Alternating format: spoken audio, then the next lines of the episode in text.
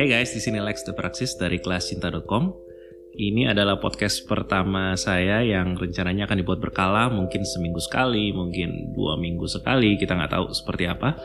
Tapi yang jelas ini adalah obrolan santai yang isinya mungkin saya ngajar dan dialog dan ngobrol. Dan saya selalu ditemani sama Erlin. Kita berdua akan sharing pendapat kita, pemikiran kita, eh, pengalaman kita juga tentang topik-topik seputar relasi cinta, rumah tangga, relationship, pernikahan dan lain-lainnya ya. Jadi buat kamu yang baru pertama kali joinan di sini, selamat datang. Perkenalan juga saya founder dari kelascinta.com bersama dengan co-founder lainnya ada Kay Safori dan Jet Whitliff. Kita sudah mengajarkan nggak tahu berapa ribu orang alumninya dan sudah menjangkau berapa juta orang tentang bagaimana caranya uh, mengelola hubungan dengan baik dan cerdas. Dan ini adalah podcast pribadi saya. Topik kali ini adalah tentang efek dari broken home. Seminggu yang lalu kita udah pernah bahas topik ini di Instagram, di Instagram di Insta Live ya. Dan ini peminatnya banyak banget. Ternyata ada banyak pertanyaan di dalamnya. Ada orang-orang juga yang minta tolong di save supaya bisa dikasih dengar ke pasangannya. Hmm. Ada juga yang minta pengen dikasih dengar ke orang tuanya. Hmm. Karena yang kita bahas ini topik efek broken home ini sedikit sekali orang yang berani sebenarnya. Uh, berani ngomong. Berani ngomong. Sedikit sekali orang yang menyadari. Mm -mm, tentang efek-efek ini. Sebenarnya ini bukan sesuatu yang apa istilahnya yang nggak main blowing nggak main blowing enggak, banget biasa ya. aja biasa aja cuman nggak banyak orang ngomongin akibatnya nggak banyak orang tahu juga nah gitu ya jadi kita mulai dari yang paling pertama aja dulu nanti akan dipotong-potong per per beberapa chapter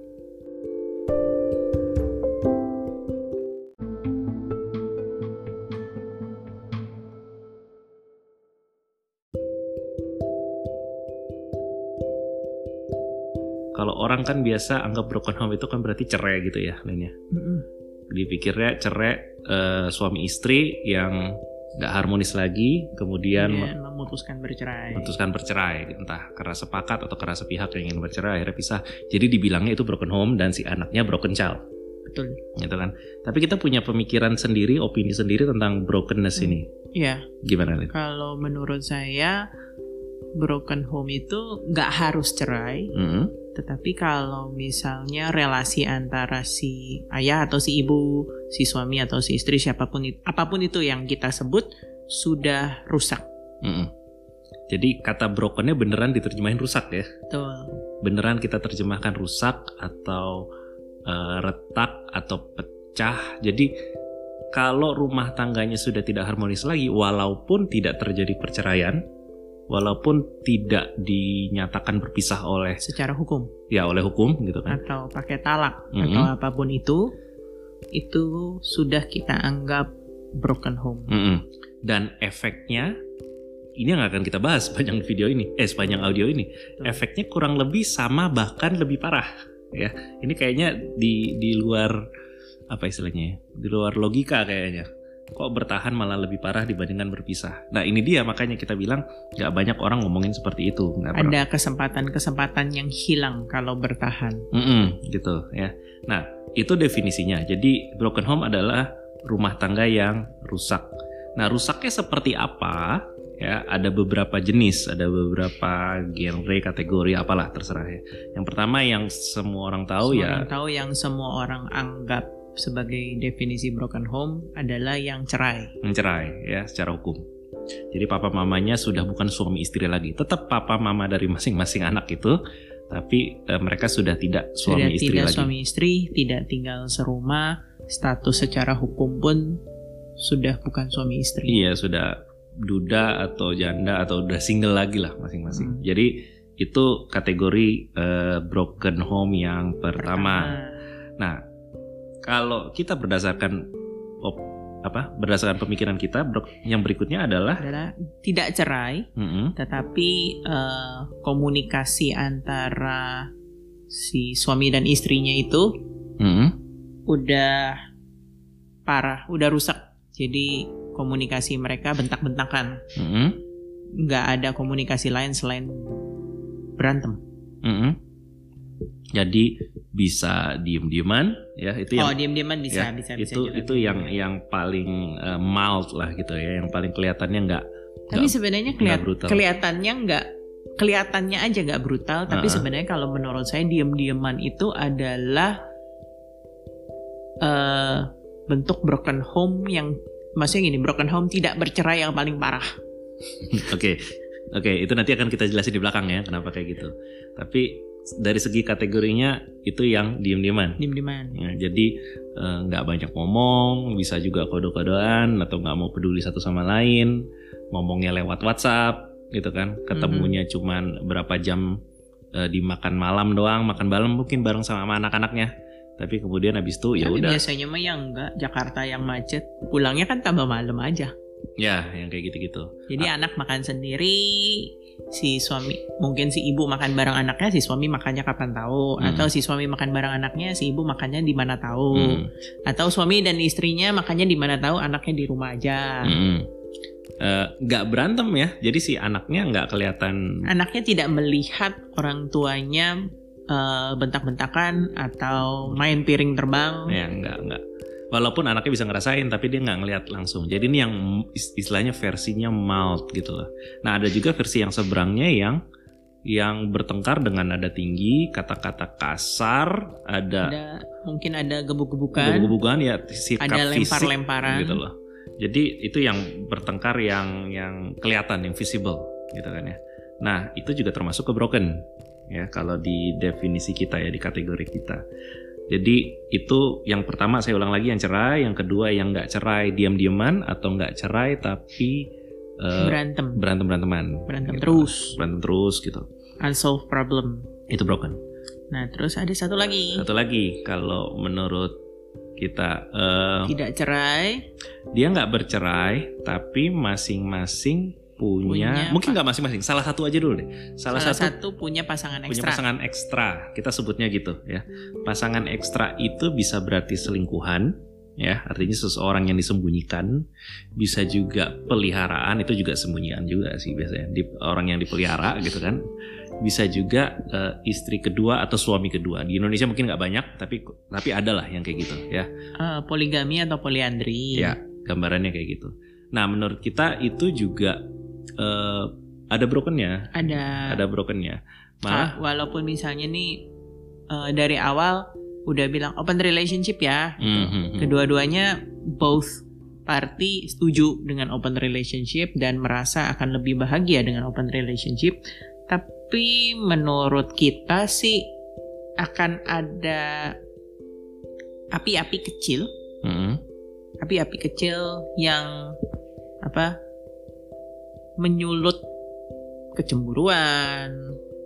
Gak kelihatan di permukaan gak, biasanya. Gak, gak, gak, Kayak gak misalnya si uh, istri pertama mungkin kelihatannya akur-akur aja sama si istri kedua ya kan kelihatannya baik-baik aja tapi di belakang sana ada Rasa menyimpan kusuknya.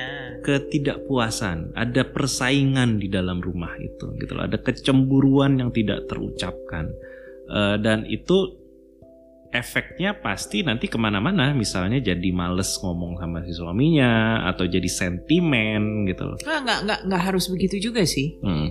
ada beberapa orang yang memang udah menerima bahwa secara agama si su suami itu memang boleh poligami kan. Hmm. diperbolehkan poligami.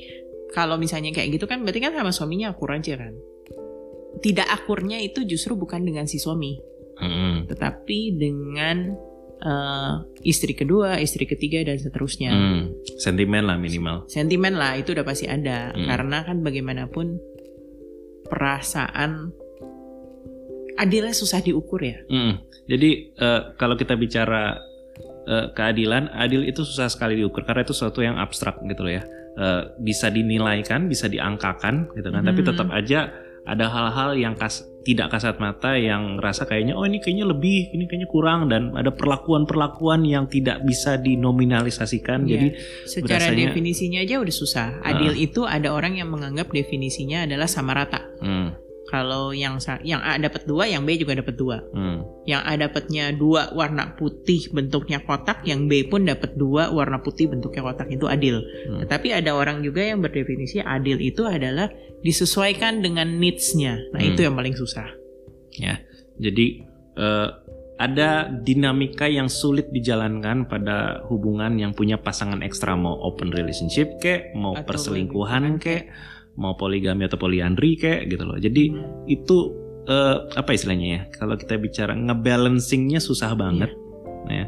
Kayak ini apa beberapa tahun lalu ada film lagi nggak waktu ngetren film Turki tuh ada cerita mengenai raja Turki beserta dengan permaisuri dan selir-selirnya. Hmm. Nah, si permaisuri dan selir-selirnya ini ke rajanya, ke si suami itu nggak ada problem.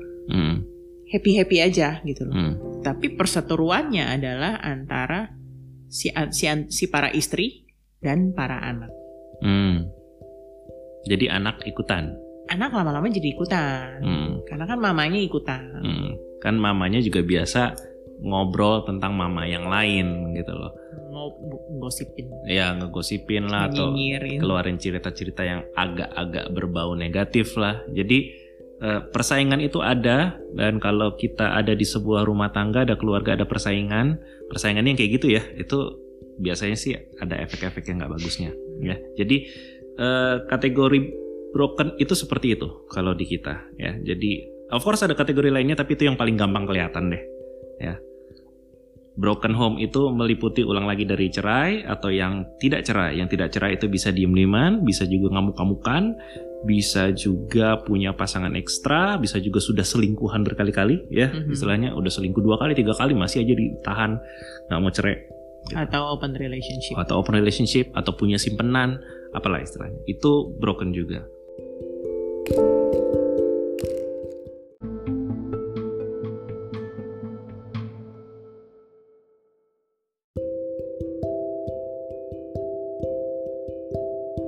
Broken home ini atau broken family ini sering kali orang uh, ngobrolinnya dari segi anaknya rusak gitu loh.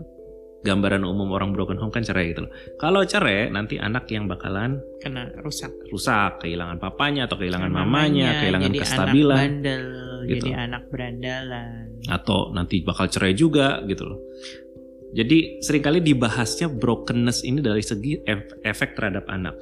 Tapi ada efek-efek negatif yang dialami sebelum itu kena ke anak, yaitu ke si pasangan suami istri itu sendiri.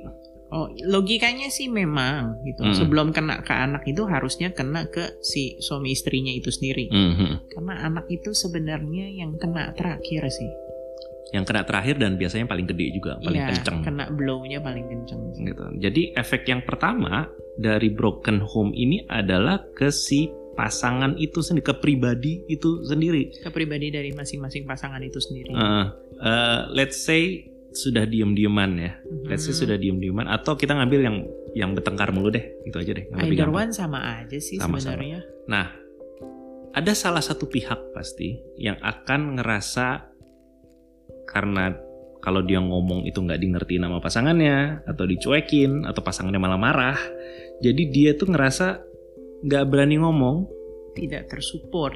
Tidak berani untuk cerita. Entah pikiran dia atau atau stresnya dia sama keluarga. Jadi akibatnya dia ngerasa sendirian. Nah ini fenomena ini yang sering kali terjadi di sekeliling kita. Menikah sih iya berumah tangga sih iya tapi ngerasa kesepian yang luar biasa biasanya sih perempuan. Nggak selalu perempuan tapi biasanya perempuan ya di sini. Dia nggak berani ngomong sama suaminya karena suaminya kalau misalnya dia ngomong dikit aja si suaminya bakalan bilang hmm, menepis. menepis lah atau bilang ah kamu cengeng lah atau ah kamu selalu kayak gini dari dulu lah atau belakangan ini kamu jadi cerewet atau kamu jangan nambah stres aku gitu loh. Jadi karena sudah tidak harmonis lagi, komunikasinya sudah tidak baik lagi antara si suami istri ini. Ada salah satu pihak yang jadi nggak mau ngomong, dan kalau karena dia nggak mau ngomong, akibatnya dia sendirian menghadapi apa pun tekanan yang dialamin di kantor, ya kan? Ataupun di, di dalam pertemanan apa, dia mungkin, pertemanan dia, atau, atau mungkin di rumah lagi mengurus rumahnya itu iya, sendiri. gitu loh. Jadi dia ngerasa kayak tidak punya support dari pasangan ji pasangan hatinya, hatinya gitu loh. Dan dia ngerasa sendirian, dia ngerasa kayaknya frustasi dan kalau sudah kayak gitu kan orang yang udah ngerasa frustasi nggak bisa ngomong itu biasanya sih akan makin gak mau ngomong, makin makin gampang kesel ketika pasangannya lagi ngoceh-ngoceh. Biasanya sih gitu. Kalau misalnya si suaminya pulang uh, dengan rasa kesel karena masalah macet di jalan, mm-hmm. si istri yang di rumah yang emang nggak bisa ngomong ini juga dengernya cuma hmm ya ya mau gimana lagi macet Jakarta ya gitulah semakin males semakin males ngomongnya gitu nah, karena dianya kan tidak merasa tersupport iya jadi pasti ngapain gue pusingin urusan orang gue pusing ya urusan gue sendiri. Mm, ya kan? Jadi dipendem si istri mendem sendiri si suami juga mendem sendiri. Kalau masing-masing sudah mendem sendiri ngerasa sendirian itu berikutnya nyambungnya ke stres. Ya kan? Iya kan maksudnya manusia itu kan makhluk sosial. Hmm. Normally mereka perlu bersosialisasi, mereka perlu ngomong, mereka perlu berkomunikasi. Sedangkan pasangan itu kan orang terdekat. Hmm. Banyak hal di mana kita nggak bisa ngomong sama teman-teman. Hmm. Tetap tapi hal-hal yang banyak itu yang nggak bisa kita ngomong sama teman-teman seharusnya kita bisa ngomong sama pasangan kita sendiri mm. nah ini kan nggak bisa jadi mau nggak mau harus di keep sendiri mm. udah pasti itu jadi stres mm. nah stres ini efeknya macam-macam. Kalau kita bicara ke kerjaan ya nggak konsen, nggak konsen kerja, jadi lalai, melu cepet lupa, ya kan. Iya. Terus juga gara-gara gara-gara hal-hal sepele itu juga jadi nggak nggak bergairah lah di kantor di kerja gitu kan. Hmm. jadi performanya turun efeknya nanti jadi dapat uh, apa istilah teguran dari atas. Dia ngerasa malu tambah stres nggak bisa ngomong juga sama pasangannya. Depresi ya. sudah nanti. Jadi terus kalau sudah stres gitu efeknya ke mana lagi? Efeknya ke istirahat nggak bisa tidur susah biasanya. tidur insom ya kan? Makan juga males biasanya kalau udah stres sih kayak gitu.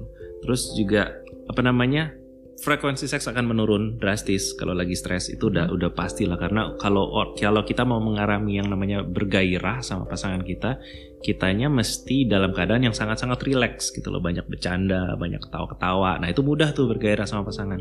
Tapi kalau misalnya kita dari pagi dari pagi sampai siang kita stres di kantor gara-gara di rumah juga stres ya jangan harap nanti abis mandi masuk ke kamar mandi atau masuk kamar gitu akan muncul gairah atau pengen main-main jangan harap gitu. Udah males duluan udah udah sepet duluan gitu ya.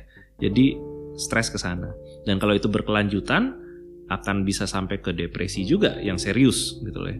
sampai ke depresi uh, mengurung diri dari mana-mana dan ngerasa kayaknya percuma nih pernikahan nih gitu mm -hmm. percuma nih uh, buat apa sih gue ngelakuin kayak gini?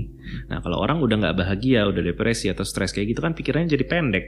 Kalau ada tawaran-tawaran menarik di luar sana kan jadi tergoda. tergoda. Mau main inilah mau main itulah mau cari selingkuhan lah. Jadi kayak uh, orang pikir orang cerai itu karena selingkuhan terbalik karena hubungannya udah rusak, udah rusak makanya orang selingkuh makanya orang selingkuh gitu loh karena di rumah itu nggak ger nggak enak, gerah, nggak betah.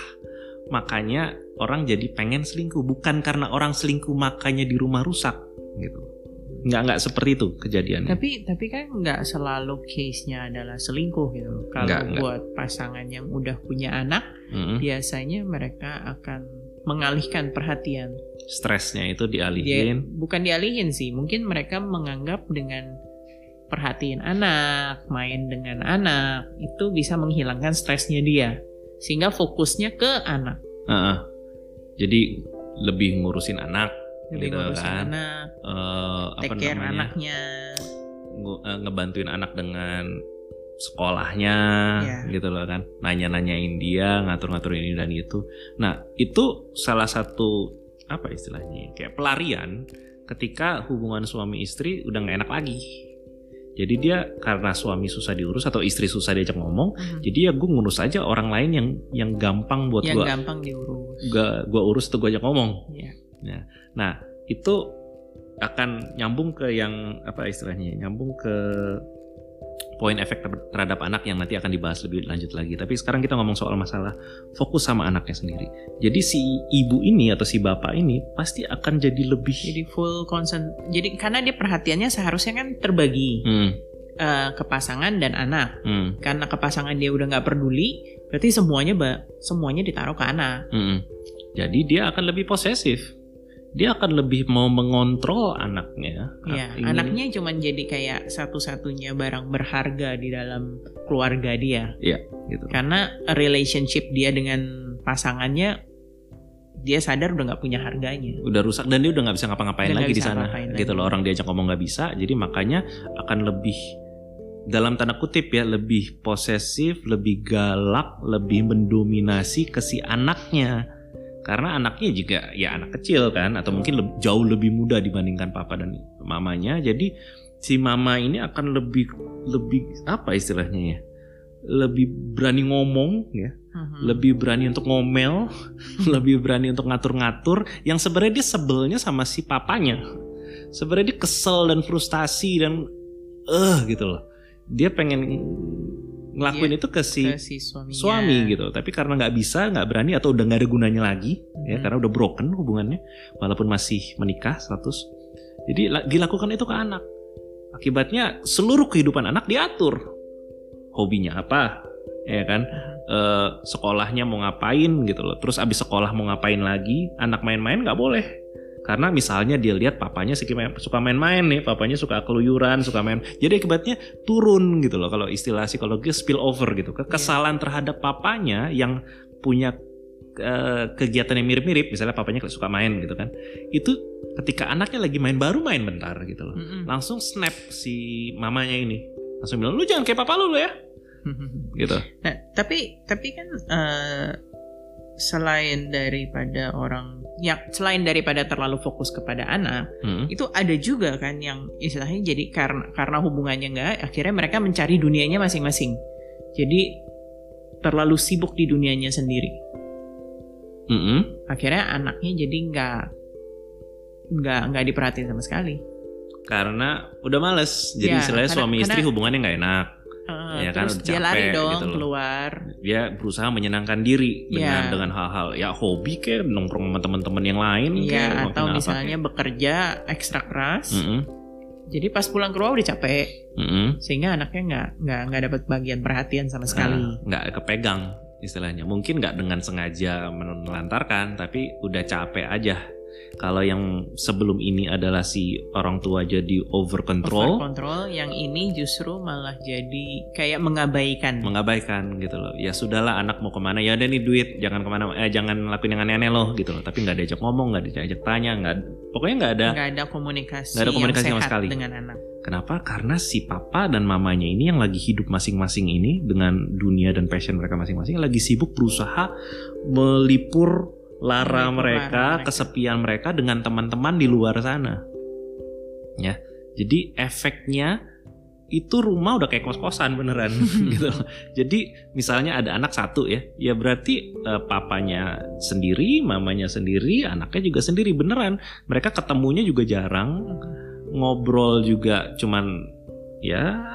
Jadi rumah itu kos-kosan orang tuanya yang jadi pemilik kos anaknya. Iya, cuman lalu lalang gitu aja gitu loh. Satu-satunya bisa kelihatan itu kayak keluarga ya karena ada sepatu ngumpul di sana gitu kan satu keluarga gitu kan. Tapi atau foto keluarga. Atau foto keluarga. Tapi komunikasinya udah nggak ada sama sekali karena si suami istri si papa mama ini hubungannya udah nggak baik, udah hancur lah ya.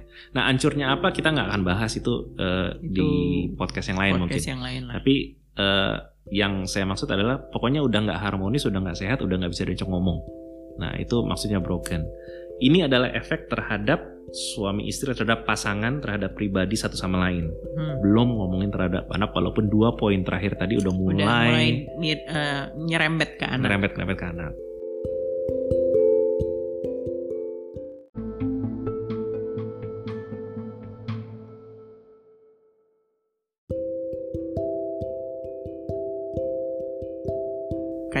orang berpikir aduh daripada gue cerai ntar anak gue jadi anak broken home terus gue bertahan aja deh buat anak mm. gitu tapi bertahan buat anak juga bukan nggak ada efek mm -hmm. jadi kita tidak bilang bercerai itu tidak punya efek tapi bertahan pun ada efeknya terhadap anak mm -hmm. ada efek-efek buruknya yang pertama yang paling obvious yang nggak perlu dibilangin juga saya yakin kamu udah tahu adalah si anak itu akan lebih familiar sama pola-pola yang buruk. gaya bicara yang buruk, gaya bertingkah body language yang buruk, apa pun yang sifatnya buruk itu, gaya-gaya buruk itu akan nempel di pikiran atau di bawah sadar si anaknya itu. Iya. Yeah. Ya kan?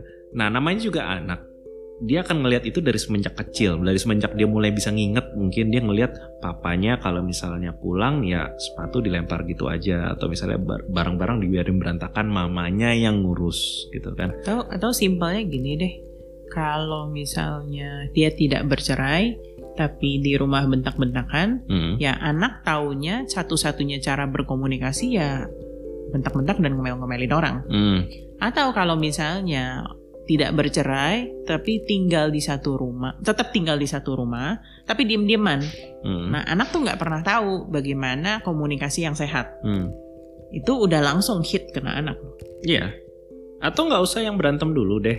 Ngelihat hmm. pola tadi pola hmm. ayah berantakan. Ya kan ayah berantakan mama yang ngurusin. Jadi si si anaknya ini akan belajar gitu loh. Oh ya normalnya memang begitu. Laki-laki itu harus berantakan gitu kan. Ya, perempuan, perempuan itu, itu harus, harus rapi beresin. dan ngeberesin keberantakannya laki-laki. Hmm. Jadi si anaknya nggak nggak bisa menilai sih itu sebenarnya baik atau buruk tapi karena tiap hari dilihat begitu dia lihatnya oh itu yang normal gitu loh hmm. jadi dilihat oh itu normal kalau dia lihat si mamanya uh, setiap kali mamanya lagi ngomong papanya lagi ngomong papanya yang berkhotbah panjang atau jadi apa istilahnya ya uh, ngomel-ngomel panjang khotbah -hmm. kayak gitu Nah si anaknya mungkin nggak ada di situ, mungkin cuma denger dari kamar, tapi dia lihat oh gitu ya, oh perempuan itu harus lebih diem, laki-laki itu harus lebih banyak ngomong. Oh perempuan tuh ngomong 10 kata harus dibantah sama laki-laki 30 kata. Pada saat kecil kita nggak tahu tuh baik atau buruk. Nah, diterima aja. Kita semuanya. terima aja gitu loh. Sampai nanti suatu saat ada yang bilang sama kita, oh itu baik, itu buruk. Tapi too late sudah terlambat kita sudah terbiasa dengan kayak sudah gitu sudah terimprint ya jadi misalnya si uh, ayah ibunya yang tidak bercerai ini kalau lagi ngomong bantah-bantahan baru satu ngomong belum selesai ngomong kalimatnya udah diselak dipotong sama pasangannya lagi tep gitu kan hmm. jadi dia pikir oh ya itulah caranya untuk ngobrol berbantah-bantah ria jadi si anak ini jadi nggak nggak tahu bahwa kalau yang namanya komunikasi atau berdebat atau bertengkar itu faktor terpenting adalah ngedengerin bukannya uh, ngebantah. ngebantah bukannya atau, mengoreksi. atau menepis mengecilkan gitu. atau menghakimi. Ya anaknya nggak tahu. Jadi pola-pola buruk itu terbiasa dalam diri si anaknya. Uh-huh. sampai akhirnya nanti dia gede. Sampai nanti ada yang bilang itu buruk tapi too late sudah terbiasa. Kita kan sering denger nih kayak jangankan orang-orang sekitar kita, kita aja deh kita ngerasa ya gue emang kayak gini dari dulu walaupun kita tahu itu buruk. Ya kan? Ada habit Betul betul betul. Ada habit ngomel, uh, ngamuk-ngamuk, nada tinggi atau keluarin kata-kata kasar. Kita tahu itu salah. Kita tahu itu salah, tetapi karena kita terbiasa dengan pola seperti itu, uh. agak sulit buat kita untuk mengontrol. Mm -mm. Ya, nah itu adalah efek yang paling obvious terjadi pada anak. Lalu berikutnya bukan cuman dia terbiasa sama pola-pola yang buruk ya, tapi, tapi dia nggak tahu pola yang sehat, yang benar itu kayak apa. Mm -mm. Karena si papa mamanya kan nggak cerai nih. Papa mamanya terus sampai si anaknya ini dewasa gitu kan. Jadi si anaknya ngeliat, oh gayanya gitu. Jadi nggak pernah ada yang nunjukin sama dia pola yang sehat. Mungkin pola yang bagus yang sehat itu terjadi di keluarga temennya. Betul. Mungkin terjadi di TV dia lihat gitu kan. Mungkin dia terjadi di uh, apa namanya di khotbah-khotbah religius dibilangnya begini dan begitu. Gitu. Ya kan? Tapi di rumah dia nggak ngeliat dia nggak ngelihat bentuk realnya kayak apa hmm, jadi itu dianggap kayak kalah apa sih itu gitu bahkan kalaupun dia baca di buku lihat YouTube tutorial atau mungkin podcast seperti ini diajarin yang baik seperti apa susah buat dia ngelakuin itu dia nggak ngerasa itu real dia ngerasa itu aneh memaksakan diri itu sepertinya hal yang berlebihan contoh contoh nih kalau laki-laki biasanya suka ngerasa males untuk bilang uh, maaf gitu loh. Masa? Iya. Maaf, I'm sorry atau mengalah gitu loh. Apa pun yang sifatnya mengalah laki-laki itu agak susah biasanya. Hmm. Kenapa? Karena ya Pak biasanya papa-papa kita gitu yang laki-laki di atas itu ya kan zaman dulu kan laki-laki oh, itu iya. posisinya laki -laki lebih laki itu apa ya? posisinya ya? lebih tinggi. Lebih tinggi lah dominan lah nggak boleh dibantah lah atau apa. Selalu benar lah Betul. gitu kan. Sementara kata maaf cuman keluar dari si dari si ibu. si ibu. Ya maaf ya pak ya gitu. Maafin aku gitu. Si papanya cuma hmm hmm hmm. Ya kan? Jadi walaupun si anak kemudian belajar kata maaf itu penting gitu kan I'm sorry hmm. itu penting tapi karena dia nggak pernah lihat papanya begitu dia ngerasa kalau gue ngucapin maaf gue nggak laki hmm. ini yang ini yang sering kali zaman sekarang dibilang toxic masculinity Oh. Ya, jadi uh, toxic itu beracun, masculinity itu maskulinitas. -hmm. Ya, jadi ngerasa takut untuk bilang maaf, ngerasa kayaknya gengsi banget kalau gue minta maaf udah tahu yang benar dia tahu sih bilang maaf itu sebenarnya baik gitu loh. Nggak nggak kenapa-napa juga. Nggak kenapa-napa tapi dia ngerasa kayak terganggu untuk bilang maaf gitu kan. Hmm. jadi dia nggak tahu pola yang baik. Karena di rumahnya selama ini selalu ditunjukkan pola yang seberangnya. Misalnya diem-dieman ah. ya karena dia di rumahnya orang tuanya begitu ya dia merasa itu normal. Jadi pada saat dia berhubungan dengan uh, pasangannya sendiri ya habit itu akan turun hmm. dan dia nggak merasa itu salah hmm. karena dia melihat orang tuanya juga begitu hmm. kan orang kan dibilang yang namanya belajar cinta itu kan nggak pernah belajar ngapain sih belajar jadi mm-hmm. ngapain dia niru yeah. cuma niru apa yang dilakuin sama papa mama di atas papa mama di atas juga niru dari siapa dari kakek nenek yang ada di atas dan seterusnya jadi eh, apa pun pola yang dilakukan itu dianggap normal contohnya misalnya perempuannya nggak bekerja gitu kan mm-hmm. si mama nggak bekerja di, si nenek di atas juga nggak bekerja ngurusin di rumah aja. Jadi ketika besar si perempu, anak perempuan ini berpikir gue sampai kuliah aja abis itu gue sibuk cari cari pasangan, pasangan gitu untuk loh. menikah supaya bisa di rumah aja. Mm -mm, karena ya perempuan harus begitu. Eh, nggak uh, ada salahnya sih jadi ibu rumah tangga. Cuman uh, kalau misalnya di awal kita udah berpikir karena mama gue begitu, nenek gue begitu, jadi gue pasti harus begitu. Hmm. Itu kayak mengkerdilkan fungsi sendiri ya. Hidup itu kan ada opsi, ada ada banyak cara untuk menuju kebahagiaan gitu. Salah satunya adalah menjadi ibu rumah tangga. Tapi bukan itu satu-satunya. Gitu. Bukan bukan itu satu-satunya opsi. Uh -uh. Masih banyak option lain yang sebenarnya bisa dieksplor. Di beberapa dekade yang lalu gitu kan atau abad yang lalu perempuan itu geraknya dibatasi, nggak banyak bisa bekerja, dilarang ini dan itu di dunia dunia karir, dunia kerja juga mereka tidak mau apa istilahnya menerima perempuan karena dia nggak lemah atau nggak tahu apa-apa.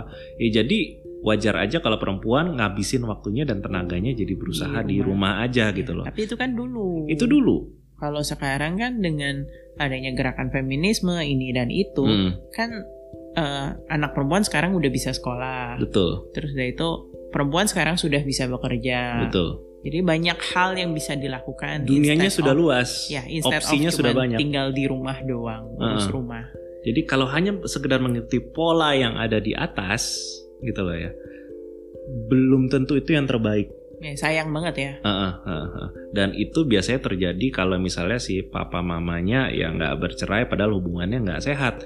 Contoh nih ya, nanti suatu saat dia pacaran si mhm. anak ini pacaran sama seseorang yang tidak baik mm-hmm. awalnya sih baik biasanya selalu kemudian nggak baik tapi dia sadar oh gue harus bertahan sama seperti papa mama. mama karena mama juga bertahan buat papa dulu itulah caranya menjalani cinta jadi kayak kayak sesuatu yang buruk tapi karena di rumah dia lihat itu terus menerus seumur hidupnya bertahan dalam derita mm-hmm. jadi si anak ini ngetranslate yang namanya cinta itu, itu bertahan dalam penderitaan bertahan dalam penderitaan. Gitu sayang banget.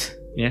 E, ke mana pun dia ngelihat orang-orang kayak gitu ini semua orang kok pada bertahan dalam penderitaan. Ya sudahlah karena semua orang begitu ya berarti gue juga harus bertahan. Mm-hmm. ini yang terjadi dengan dengan uh, toxic relationship zaman sekarang gitu laki-laki atau perempuan mempertahankan pacar yang brengsek pacar yang uh, tidak ideal lah kayak gitu loh di pacar yang kasar pacar yang mengabaikan pacar yang menyakiti jadi jadi disabarin karena ngelihat oh lihat oh, tuh papa uh, mama aku bertahan sampai sekarang itu karena kekuatan oh, cinta. iya iya iya iya yang kayak orang kalau curhat-curhat suka bilang sabar, sabar. Hmm, sabar aja ya, sabar, sabar aja. aja. Ya.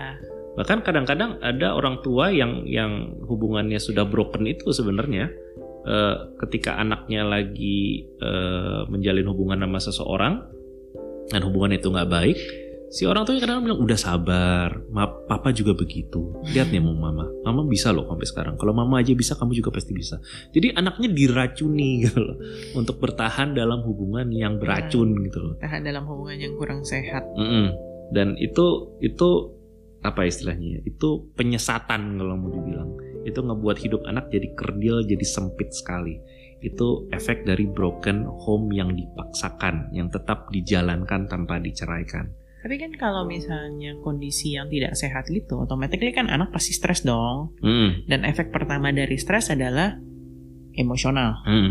gitu kan. Mm. Itu itu kan kan maksudnya anak hidup di dalam satu kondisi rumah tangga yang yang nggak sehat seperti itu, yang mm. rusak, stres itu udah bertumpuk bertahun-tahun, bisa mengakibatkan anak jadi mempunyai uh, tidak mampu mengontrol emosinya nggak? kelemahan Pasti. dalam mengontrol emosinya. Pastilah gitu loh. Sama seperti tadi si orang tuanya juga stres gitu yeah. kan, satu sama lain stres jadi mereka uh, sering berantem di rumah mungkin atau malah nggak mau di rumah gitu kan mm -hmm. sibuk kerjaan hal-hal yang menantang yang gila di luar sana gitu loh mm -hmm. supaya menghilangkan stresnya. Si anak juga tidak punya kontrol terhadap emosi yang emosinya yeah. gitu loh. Boro-boro kontrol. Si anak nggak tahu gitu loh dia lagi ngerasa apaan. Hmm. Karena dia ngerasa kayak nggak gue nggak aman di rumah, gue nggak nyaman di rumah. Bahkan dia nggak tahu kalau dia lagi ketakutan, dia nggak tahu kalau dia lagi kecewa gitu. Jadi uh, terutama di Indonesia ada banyak orang-orang di Indonesia yang nggak tahu sama perasaan yang dirasain itu apa sebenarnya.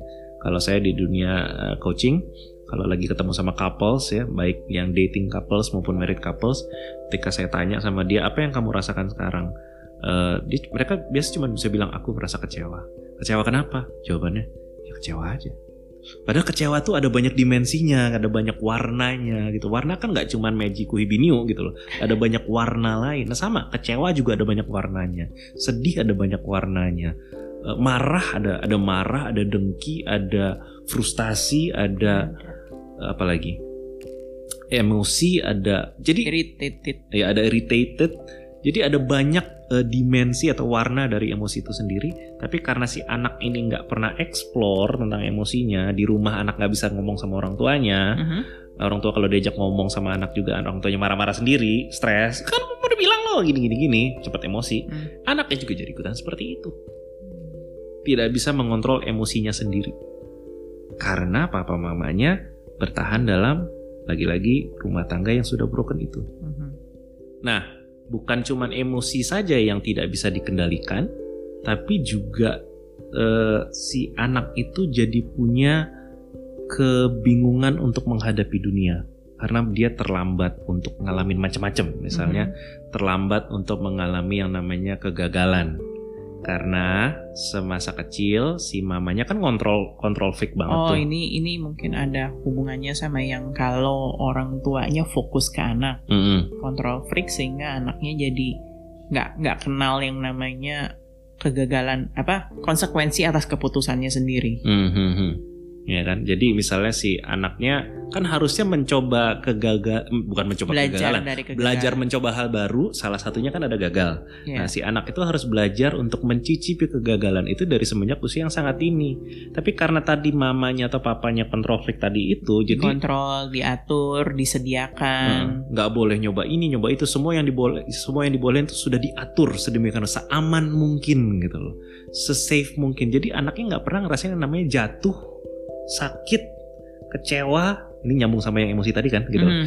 Uh, bingung, galau gitu loh. Dia, Atau meleduk aja. Iya, dia gak pernah ngerasain kayak gitu. Jadi ketika pertama kali ngerasain mungkin tuh di usia SMA biasanya mungkin mm. gitu loh ya kan. Di SMP makan masih diatur-atur di SMA ketika hidupnya udah mulai luas, teman-temannya di mana-mana, ditakut ngapa-ngapain. Dia takut untuk mencoba karena selama ini ditakut-takutin sama mamanya. Hati-hati sama orang, hati-hati sama gini. Kenapa mamanya uh, nakut-nakutin kayak gitu ya karena mamanya stres gitu loh di rumah itu nggak menyenangkan jadi orang stres ngeliat apa-apa tuh menakutkan dan dan yang masih sebenarnya tujuan orang tuanya mungkin nggak jelek mm -mm. supaya anaknya jangan merasakan hal yang dia takuti mm -mm. tapi sebenarnya apa yang ditakuti sama orang tuanya itu uh, berlebihan karena mm. kondisi si orang tua itu stres betul orang tua stres jadi parnoan.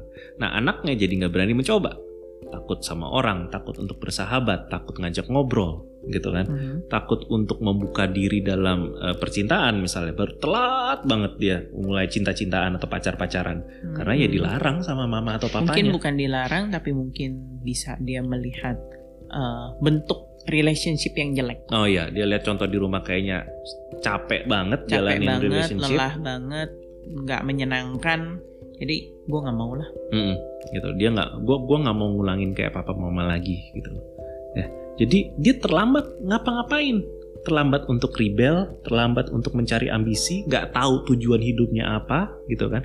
Karena si si papa mamanya nggak sempat buat ngajarin begituan. Ya, sibuk sama sibuk sama ya itulah sibuk sama relationshipnya yang rusak atau mungkin kalaupun ngajarin pesannya berbeda. Karena berantem kan mereka. Jadi si ibunya ngajarin apa hidup tuh harus begini ya kata mamanya. Mm-hmm. dan papanya ngajarin yang lain lagi. Jangan dengerin mami oh mami kamu tuh nggak sekolah tahu nggak? Jadi begini hidup tuh harus begini. Jadi pesannya kacau. Kalau kacau anak nggak berani explore gitu loh. Kalau di psikologi ada yang namanya secure base ya. Jadi keluarga, papa mama atau rumah itu harusnya jadi secure base, tempat yang aman, nyaman, tenang, hangat yang ngebuat si anaknya berani untuk lihat keluar sana, iya ada yang bagus coba aja ke sana ah. Kalau ada apa-apa gue bisa balik iya, lagi. Ya kalau ada apa-apa gue bisa balik lagi dan di rumah pun gue nggak dimarahin. Di rumah gue ditanya kenapa kamu sakit ya? Oh cerita dong sama papa. Oh itu artinya apa? Oh mau coba lagi gak?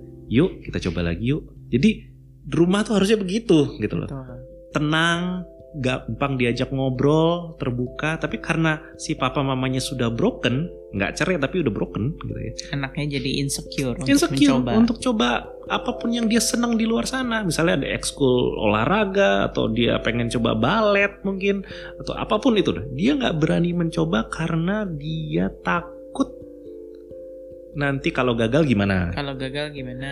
Ntar kalau nah. gagal ntar gue dimarahin, gitu kan? Kalau gue mencoba yang aneh-aneh nanti papa atau mama tambah sedih, gitu kan? Jadi kayak nggak deh, gue nggak gue nggak berani deh. Dan ini yang ngebuat si anaknya hidupnya serba lamban, gitu loh. Usianya mungkin udah meningkat, uh-huh. dia mungkin sudah masuk ke usia kerja, uh-huh. tapi hidupnya gitu-gitu aja. Teman nggak ada, ambisi nggak ada, sibuk untuk apa istilahnya mendedikasikan hidupnya untuk si papa mama yang Mamanya. ada di rumah. Papa mama yang sebenarnya udah sudah cerai secara mental itulah hmm. istilahnya gitu loh. Secara hukum sih belum. Hmm. Jadi si anaknya ini nggak sempet ngapa-ngapain, nggak berani ngapa-ngapain. Termasuk ketika nanti punya pasangan, ya kan? Ketika nanti punya pasangan si anak itu nggak berani milih sendiri karena takut. Apalagi misalnya si salah satu papa atau mamanya sempat suka, bilang suka mewanti-wanti. Iya. Jangan pilih pasangan kayak ya, kayak mama lu tuh atau, papa lu tuh gitu kan jadi si anaknya ini nggak berani mencoba. Jadi yang namanya pacaran tuh kayaknya sakral banget gitu. Kayak hmm. cuma boleh pacaran sekali pacar pertama langsung dinikahi. Eh itu kita udah tahu lah. Udah sering saya udah sering bahas tuh. Uh, pacaran sekali langsung nikah biasanya berantakannya nggak karu-karuan. Ya berantakannya nggak karu-karuan. Of course ada yang berhasil tapi itu pengecualian. Biasanya sih berantakan nggak karu-karuan. Ya kenapa nggak berani untuk pacaran karena karena memang ya diomel-omelin mulu di rumah gitu loh sama orang tuanya. Ngapain lo pacaran? Hati-hati lo pacaran. Jadi anaknya terlambat mencoba terlambat gagal terlambat liar terlambat pinter juga mungkin. Kalau tadi kan saya bicara soal masalah mencoba-coba tapi juga termas terlambat sukses juga. Mhm. Terlambat. Iya, karena kan sibuk ngurus. Apa nggak berani mencoba, iya, pasti berani suksesnya coba. terlambat. Kalau yang tadi kan terlambat macam-macam kan, hmm. terlambat macam-macam berarti kan pengetahuan anaknya, pengalaman anaknya itu kan kerdil kan. Hmm. Tetapi kan ada juga dong anak yang dengan kondisi rumah tangga yang nggak ideal, hmm. nggak hmm. ideal itu, dia harus survive. Ada. Ada kan, berarti kan dia harus istilahnya uh, jadi yang dewasa di rumah. Hmm Misalnya nih, papanya abusive sama mamanya, hmm. mamanya bertahan di dalam pernikahan yang abusive itu, hmm. anaknya jadi harus melindungi mamanya. Hmm. Itu kan banyak banget tuh cerita yang kayak begitu kan. Hmm. Nah itu kasihan banget ya. Maksudnya uh, anak itu harus menjal menjalankan fungsi yang lebih besar dari bapak ibunya sendiri. Padahal usianya belum Padahal usianya di sana, usia mentalnya belum maupun sampai, usia fisiknya. Ya, jadi si anak jadi penyelamat. anak jadi jembatan, anak jadi perekat hubungan papa mamanya yang udah nggak mau rekat lagi. Iya, anak-anak jadi dapat tanggung jawab besar hmm. untuk untuk untuk kesejahteraan orang tuanya. Hmm. Dan itu efek yang sangat amat berat dan buruk gitu. Karena kalau si anaknya dari semenjak kecil, kita nggak bicara dewasa atau remaja atau atau apa ya dewasa muda nggak ada dari kecil aja udah berusaha kayak oh gue harus nenangin mama kalau habis berantem gitu oh gue harus nenangin papa kalau oh gue harus ngelindungin mama dari papa gitu. Jadi kayak dari kecil aja udah udah udah harus seperti itu. Bayangin ini anak pasti udah stres banget dari kecil Betul. gitu udah stres banget dan dia punya apa istilahnya ya bayangan akan dunia ini. Gue gua harus melindungi. dunia itu berat banget. Ya kan dari kecil aja udah harus jadi penyelamat udah jadi harus superhero terhadap uh, pernikahan papa mamanya udah hancur. Bayangkan aja gitu efeknya apa terhadap kondisi emosional kondisi. anak kecil kalau kalau udah harus seperti itu. Dari semenjak kecil. Betul. Ya kan? Nah kalau nanti begitu masuk usia remaja atau dewasa biasanya akan berkelanjutan karena dari kecil udah biasa kan hmm. biasa nolongin ibu nolongin ayah dan segala macam jadi pembicara oh sorry. Jadi ini nih juru bicara di antara mereka. Jadi papa mama kalau mau ngomong ngomongnya ke anak.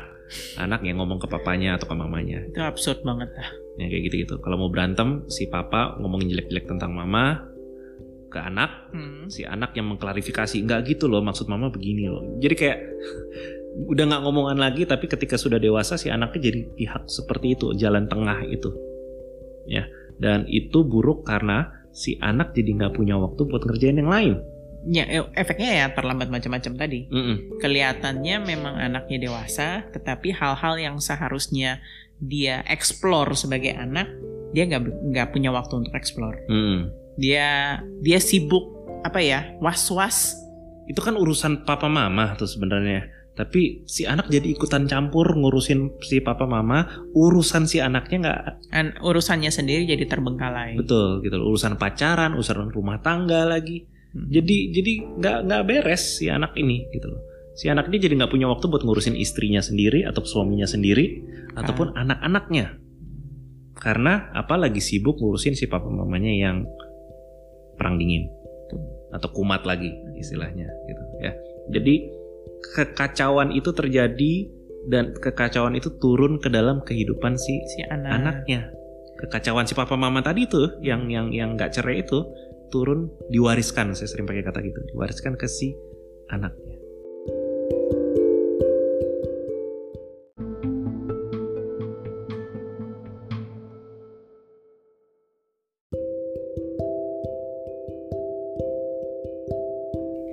Bayangkan sama orang. Orang pikir yang dari tadi kita ngomongin itu adalah efek-efek yang terjadi kalau cerai. Hmm, tapi sebenarnya tidak cerai pun anaknya kena begitu. Kena begitu. Dan itu yang yang saya jelasin dari tadi itu tuh cuma sebagian tuh cuma contoh-contoh kecil bahkan bahkan lebih ke arah teori generalisasi bahkan contoh-contohnya itu banyak lebih detail dari itu lagi itu terjadi pada hubungan yang tidak cerai anaknya terbiasa akan pola-pola buruk, anaknya akan mewarisi emosi yang buruk, anaknya akan jadi gono gitu. Itu karena mereka tidak cerai.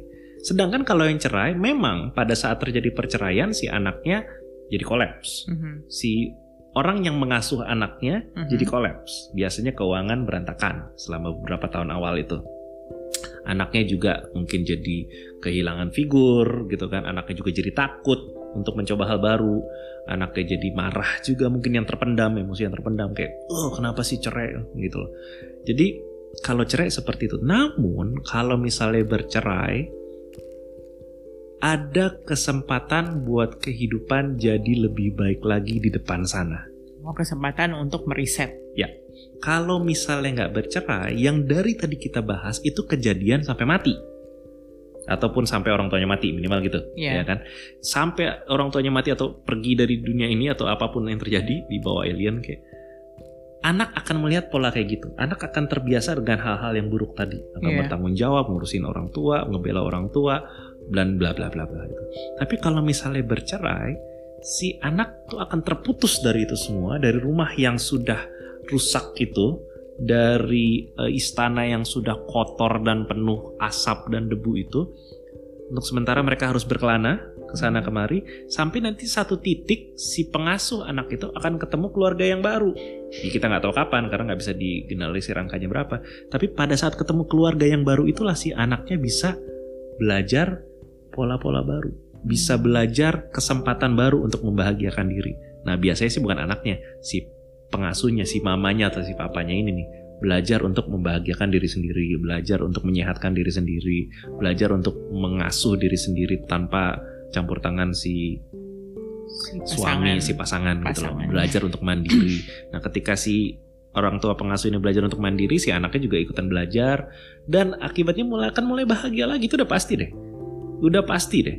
Di setelah perceraian, kalau misalnya si pengasuh anaknya ini berusaha keras untuk membangkitkan lagi, mhm. istilahnya uh, second life istilahnya, kesempatan kedua, si anak biasanya akan jadi lebih bahagia, akan lebih sejahtera, akan berkurang efek-efek negatifnya dibandingkan kalau papa mamanya bertahan di dalam pernikahan itu maksain diri. Oh iya ya, uh, ada saudara sepupu saya ya, hmm. dia pernikahan pertamanya dia bercerai. Hmm. Waktu dia bercerai, dia keluar dari rumah, dia bawa anaknya empat. Hmm. Kemudian ya biasalah, dia pasti bekerja ini dan itu untuk membiayai anaknya. Sam, sa, tapi dia tetap bergaul tuh. Akhirnya dia ketemu satu pria, kemudian uh, ketemu satu pria baik, dia menikah lagi. Now they have a very happy family. Hmm. Dan beberapa uh, dua anaknya udah menikah. Dua anaknya ini sukses membentuk satu keluarga yang sehat karena dia, dia mereka mendapat contoh dari orang tuanya bagaimana hubungan yang tidak sehat dan bagaimana hubungan yang sehat. Hmm. Jadi di situ bisa kelihatan ya ada ada maksudnya mamanya itu mem, membuka chance untuk meriset kehidupannya untuk anaknya. Karena ada di tempat yang baru, tempat Betul. yang lebih baik, melihat contoh-contoh baik juga, Betul. gitu kan. Dan yang paling penting adalah sudah keluar dari lingkungan yang buruk, gitu loh.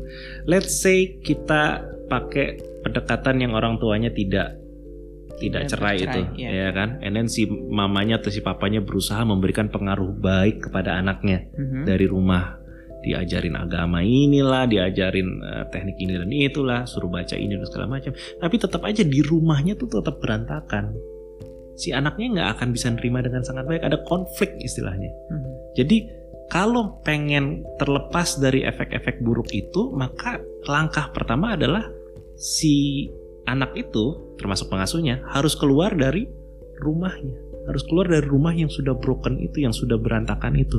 Bukan cerainya mm-hmm. bukan yang cerai yang merusak. atau merusak atau punya efek negatif. Sebenarnya bukan cerainya gitu loh. Tapi pola buruk atau atau rumah buruk itu sebenarnya mm-hmm. yang membuat kehidupan anak jadi yang kita bilang broken dan hancur dan dan gelap dan yang lain-lainnya itu. Betul. Jadi rumah buruknya, pola buruknya yang bikin anak jadi berantakan sampai tua. Hmm. Kalau misalnya orang tuanya itu berpisah, hmm. lalu pengasuh anaknya ini berusaha membangkitkan lagi hidupnya gitu kan, efek dari kehancuran kolaps selama beberapa satu atau dua tahun pertama itu akan ditebus pasti pasti akan bisa ditebus dengan baik lagi dan si anaknya bakal bisa bounce back lagi. Oke. Okay. Kalau kalau si ibunya atau bapaknya itu keluar dari sana. Mm-hmm. Jadi bukan perceraiannya harusnya yang dimusuhin gitu loh. Bukan di situ. Bukan tapi pola pola hubungannya yang pola-pola hubungannya yang lebih berbahaya ya, lagi. Pola hubungan yang rusak itu yang yang justru merusak. Mm-mm, gitu kan kayak ini kayak apel. Uh. apel itu kan kalau di di supermarket tuh kita sekali lihat tuh mak ketik-ketik apel kan gitu kan.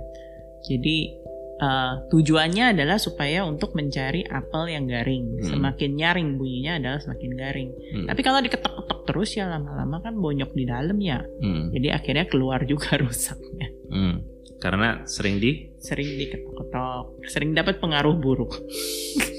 Anaknya pun jadi seperti itu gitu ya. Jadi ini yang kita bilang tadi di depan di awal banyak orang nggak nggak menyorot sisi ini. Kita mengakui perceraian itu emang ada efek negatifnya. Tapi perceraian itu bisa dibilang kayak pintu menuju tempat yang lebih baik.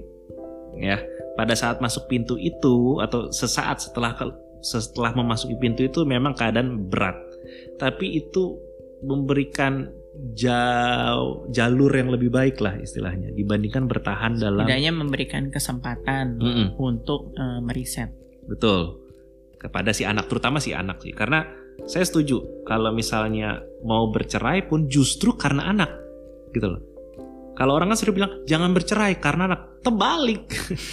kalau memang beneran mikirin anak, ya. Kalau beneran mikirin anak, justru harusnya pastikan anak ada di rumah yang baik, di rumah yang sehat. Kalau rumah sekarang nggak baik, nggak sehat, keluar dulu dari rumah itu. Luntang lantung sebentar juga nggak apa-apa lah, gitu. Ya, cari rumah yang lebih baik. Kalau bener mikirin anak, justru kalau bertahan demi anak itu merusak anak untuk uh, periode yang sangat panjang sekali, mm-hmm. ya sangat panjang sekali gitu loh.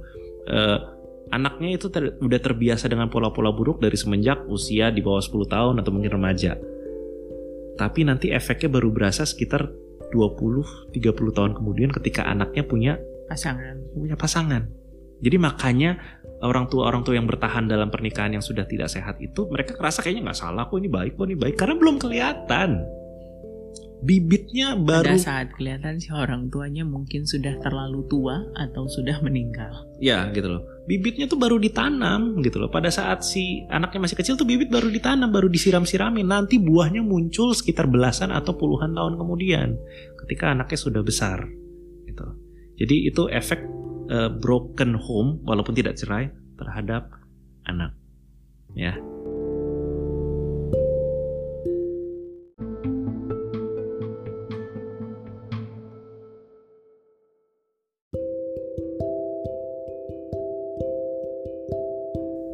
Pada titik ini mungkin kamu yang dengar uh, obrolan kita ini mungkin kayak oh iya iya iya ya baru tahu tuh. Oh iya wah oh bener juga ya.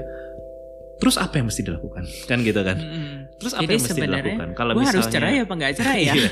misalnya saat ini uh, uh, gue udah berada dalam pernikahan yang kurang baik gitu kan. Hmm. uh, suami gue atau istri gue ternyata tidak sebaik yang aku harapkan dan makin ke sini makin parah gitu kan.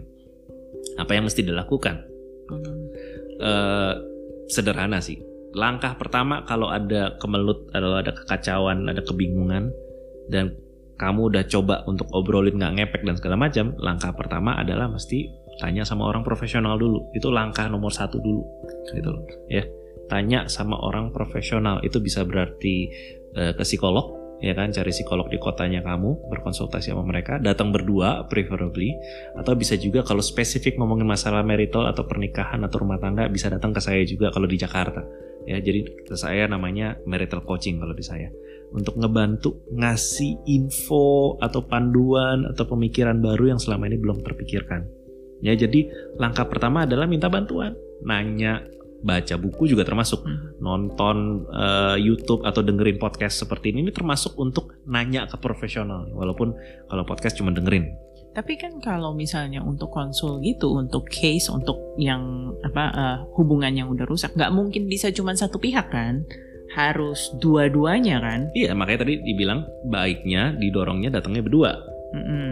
kedua-duanya datang menghadiri entah konsultasi itu kayak atau seminar itu kayak atau baca buku itu kayak bareng mm-hmm. ya kan kedua pihak hopefully itu. kalau dia melakukan itu mereka kalau bisa melakukan perbaikan mereka nggak perlu cerai iya karena kalau kedua orang itu mereka bekerja sama mm-hmm. ya serusak apa pun pernikahannya masih mungkin diperbaiki. perbaiki lah. Mungkin nggak bisa total sembuh ya atau pulih jadi kayak 100% lagi mungkin nggak bisa. Tapi dibikin jadi tidak sengsara bisa. Dibikin jadi tidak penuh nangis dan derita dan kesepian bisa. Dibikin jadi nggak ngomel-ngomelan atau diem-dieman selama beberapa hari bisa. Ada banyak cara untuk memperbaikinya. Kalau kedua orang mau kerjasama. Tapi kalau cuma satu orang saja artinya si satu ngajak nih si, yang satu ngajak, ya, yang satu lagi nggak mau. Nggak mau atau nggak punya waktu atau ngerasa percuma atau ngerasa gue udah tahu ngapain gitu loh. Hmm. Gue juga ngerti ngapain lah nanya sama orang lain. Nah itu artinya kan udah sepihak tuh, hmm. udah nggak ada kerja sama. Itu sih capek banget loh. Kalau udah kayak gitu sih, ya saran saya sih mulai pertimbangkan opsi memang untuk berpisah ya tapi nggak ini kita nggak bicara cerai langsung sama seperti yang langkah nomor satu tadi nanya-nanya konsultasi sama psikolog atau ketemu sama saya. Hmm. Di langkah kedua ini kalau pasangan udah nggak bisa diajak ketemu konsultasi, ya hmm. ya kan? Nanya sama orang-orang di pengadilan, ya pengadilan hmm. negeri atau pengadilan agama saya kurang ngerti juga deh gitu ya atau baca-baca atau cari di internet proses pisah tuh seperti apa sih gitu cari-cari info aja dulu bukan untuk beneran mau cari enggak cari info tambahin tambahin pengetahuan tanya-tanya sama temen sehingga punya option lain. Exactly. Termasuk juga udah mulai buka diri di sini. Buka hmm. diri untuk uh, kalau bergaul lagi, bergaul lagi ya kan? Tanya-tanya sama teman mengenai ada nggak kerjaan atau apa. Uh, uh, mulai lakukan lagi minat atau hobi yang, yang dulu, dulu sudah sempat di, hilang. ya diabaikan atau sibuk nggak dilakuin gitu loh jadi mulai buka diri pelan-pelan. Jadi nggak langsung cerai, nggak langsung cerai. Memang ujung-ujungnya akan ke sana, tapi kan harus persiapan dulu. Nggak bisa langsung tiba-tiba ya udah kita cerai aja gitu. saya saya sih nggak setuju kayak gitu. Ada banyak couples yang datang ke saya ke marital coaching itu, mereka datang dengan pikiran sudah mau cerai, jadi datang ke saya tuh untuk kayak mau lihat aja siapa tahu ada jawaban lain gitu. Hmm. Nah, saya biasa marah tuh kalau di situ tuh kayak kalau datang ke saya harusnya bukan last option gitu loh. Mm-hmm. Harusnya bukan sesuatu yang dilakukan kal karena udah mau cerai. Ini coba-coba, kan ini coba-coba terakhir gitu loh. Gak bisa gitu, gak bisa gitu gitu loh. Jadi harusnya langkah pertama adalah konsul. Kalau memang udah nggak bisa, ya sudah baru mulai baca-baca referensi untuk perpisahan. Uh, bergaul lagi. Yang paling penting sebenarnya sih bekerja cari pekerjaan. Mulai cari penghasilan lah hmm. gitu loh. Entah itu bisnis kek atau tanya-tanya sama keluarga kayak ada gak uh, apa namanya? Lowongan. Lowongan minta dibantuin masuk ke sana sini segala macam ya. Itu harus dilakukan. Karena apa? Kalau misalnya tidak dilakukan kita nggak cari informasi. Terus kita juga nggak cari temen terus kita juga nggak nanya ke sana sini. Kita akan stuck di dalam pernikahan yang karena nggak nggak punya nggak tahu optionnya apa jadi ya stuck aja di dalam iya, pernikahan iya. itu itu aja. Nggak lanjut udah nggak kuat tapi keluar juga takut nggak ada informasi soalnya. Mm. gitu gelap banget gitu loh. Nggak ada temen nggak ada yang dukung nggak ada yang peduli. Diem aja gitu. Jadi akan stuck di sana. Akibatnya akan terus sampai tua ya seperti itu. Dan si anak akan kena efek yang tadi itu. Betul. Ya jadi makanya eh, yang wajib dilakukan nomor dua adalah mulai membuka diri lagi walaupun itu kemungkinan menambah konflik di rumah. Misalnya si pasangan jadi sebel karena karena uh, kamu sibuk kerja sekarang, sibuk cari duit sekarang atau banyak berteman, dia jadi sebel dia jadi makin marah. Ya udah nggak apa-apa lah. Dari dulu emang dari dulu dari emang dulu uh, sebelum bekerja juga dia udah marah-marah terus. Uh -uh. Jadi sekarang dia makin marah lagi tanpa panas, ya udah nggak apa-apa. Kamu peduli amat tahan aja selama mungkin enam bulan satu tahun terakhir itu untuk kamu mempersiapkan diri untuk mau berpisah pada titik ini mungkin gak perlu cerita sama keluarga dulu kecuali ada kasus-kasus yang sifatnya abusive ya gitu loh yang kasar kata-katanya emosional ataupun physical. Tapi kalau tidak ada kejadian-kejadian seperti itu cuman lalai aja misalnya gitu. Mm -hmm. lalai ngomong nggak nyambung males gitu. Mm -hmm. atau jorok orangnya. Eh, jangan ngomong sama orang tua tentang keinginan buat berpisah itu gitu. Karena orang tua biasanya akan mencuci otak untuk janganlah kasihan anak-anak ya akhirnya jadi lemah lagi gitu loh ya di sini sih kita bukannya bilang begitu ada dispute langsung cerai hmm. kita tidak pro cerai hmm. gitu makanya tadi kita bilang begitu ada masalah seharusnya pasangan itu bersama-sama datang ke pihak profesional mm untuk mencari solusi. Yeah. Tapi kalau misalnya hanya satu aja yang uh, aktif untuk mencari solusi yang satu apatis, hmm. itu namanya hubungannya udah rusak. Itu udah udah udah rusak yang serusak-rusaknya tuh, udah hmm. satu pihak soalnya. Hmm. Gitu kan. Jadi nggak bisa diapa-apain lagi. Kalau udah kalau udah cuman se sebelah aja yang aktif, yang sebelah lagi udah nggak aktif, itu udah kayak coba bayangin mobil rodanya empat yang dua yang dua di sebelah kiri nggak mau berputar cuman yang berputar dua di sebelah kanan. Hmm. apa yang terjadi sama mobil itu? Ya ya gitulah ya gitulah gitu. kita nggak tahu apa pun ya, itu. Jalannya seperti itu orang yang ngerti mobil akan marah-marah itu udah rusak gitu. Kalau lo terusin ya tambah rusak gitu tambah hancur. Nggak bisa tuh yang namanya suatu saat uh, akan jadi membaik kalau gue bertahan. Enggak ya tapi kan biasanya kalau bercerai walaupun di keputusan cerai diambil secara sadar, itu pasti ada dong sakit hati sakit hati karena berantem sama pasangannya ini dan itu gitu. Mm -hmm. Berarti itu juga harus disembuhkan. Harus dong. disembuhin, nggak bisa cuman sekedar ya gue kan udah, udah cerai, cerai udah selesai gitu. Udah selesai lah. harus tetap perlu pergi ke profesional gitu kan, perlu pergi ke coach seperti saya atau pergi ke psikolog gitu kan untuk minta bantuan supaya luka-luka itu bisa disembuhkan. Yang mungkin kita pikir ah nanti waktu bisa menyembuhkan. Enggak enggak waktu enggak akan menyembuhkan. Yang ada juga kamu ngewarisin penyakit itu ke anak walaupun udah cerai. Kan jadi jadi ini loh apa jadi balik yang, lagi yang, yang, gitu yang umumnya biasa terjadi gini kalau sama anaknya. Misalnya ini ibu anaknya tinggallah sama ibunya. Hmm. lu jangan cari pasangan kayak bapak lu ya. Hmm, hmm, hmm. gitu kan? Jadi uh, tujuan tujuan cerai untuk meriset kehidupan anaknya nggak dapet kan? Nggak dapet. Karena ibunya atau si bapak siapa pun pengasuhnya siapa pun ini itu pengasuhnya hidupnya masih... juga belum jadi lebih baik lagi belum sejahtera lagi. Luka-lukanya belum dibersihin luka-lukanya belum diobatin dia belum bergaul lagi gitu loh. Kalau kita bicara perempuan biasanya kalau misalnya habis cerai dan si perempuan ini pegang ngasuh anaknya gitu bawa anaknya jadi hati-hati sama laki-laki nggak mau deket sama laki-laki nggak mau membuka dirinya sama laki-laki bahkan benci sama laki-laki gitu kan.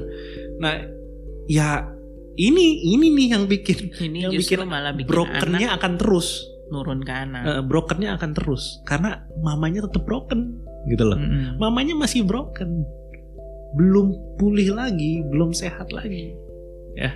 Jadi lagi-lagi bukan perceraiannya, tapi pola hidup yang broken yang tidak diperbaiki itu yang akan ngebuat uh, apa istilahnya si anak terpengaruh dan kemungkinan besar akan mewariskan itu semua. Jadi setelah bercerai, si papa atau si mama itu mesti berusaha sembuhin. Itu udah udah, udah wajib lah luka sembuhin luka lukanya. Terus juga bergaul lagi seperti manusia normal, jangan menutup diri karena malu gue duda, janda dan yang lain. Itu kayak nggak nggak boleh. Ya memang nggak perlu ngasih tahu gue duda atau gue janda sih. Itunya nggak perlu kecuali ditanya. Tapi wajib tetap bergaul lagi. Nggak ada tuh istilah kan gue udah nggak muda lagi. Kan gue udah bukan apa istilahnya. Gue kan udah punya anak udah, sekarang udah jadi punya gua anak jadi gue harusnya konsentrasi ke anak aja. Nggak bisa kalau kayak gitu justru malah jadi ancur jadi malah ancur efek rumah tangga itu ancur gitu loh. Karena si mama atau si papanya belum sehat lagi. Nah itu mungkin akan dibahas dalam podcast yang lain yang lebih panjang lagi karena topiknya itu juga luas banget soal masalah mengembalikan hidup pasca tragedi ya. Jadi mungkin itu akan dibahas dalam podcast yang lain. Di dalam podcast ini Uh, saya cuma fokus ke soal efek dari efek terhadap anaknya. Broken home itu terhadap anak, terhadap si nah, pasangan si suami pasangan itu, itu sendiri. sendiri. Sesuatu yang nggak banyak orang sadarin, uh, bahkan mungkin kaget nih setelah dikasih tahu. Oh ternyata kalau broken tapi nggak cerai lebih parah toh dibandingin cerai gitu loh. Jadi info ini info baru mungkin buat kamu jadi uh, diserap aja dulu kalau misalnya ada penolakan ada penyangkalan atau kayak enggak enggak gitu ah nggak apa-apa that's normal. Setiap kali mendengarkan informasi baru biasa manusia kayak gitu. Ini bukan lagi nakut-nakutin. Ini lagi ngomong realita gitu. Bahwa uh, bertahan dalam rumah tangga yang toksik itu lebih sakit dan penuh derita dibandingkan cuman punya salah satu ayah atau ibu. Ya itu bisa ditebus kok. Nanti kehilangan ayah atau ibu yang belum yang hilang itu bisa diganti ada papa sambung mama sambung istilahnya. Bisa diganti bisa ketawa lagi bisa happy lagi. Kalau keluar ya. Jadi uh, ini panjang banget. Nggak nyangka ternyata udah sampai sepanjang ini. Jadi kayaknya mesti dipotong dulu. Nanti mungkin akan dilanjutin lagi dengan topik yang serupa atau mungkin nyambung ini bagian kedua saya nggak tahu. Kalau misalnya kamu ada komentar atau pertanyaan bisa kirim ke saya lewat semua media sosialnya saya. Dari Twitter, Facebook, sama Instagram. Saya nggak berusaha meyakinkan kamu untuk mengubah pikiran, bukan itu. Tujuannya adalah menambah wawasan. Thank you udah nyimak podcast yang panjang ini. Sampai jumpa di podcast yang berikutnya. Love better and live, live better. better.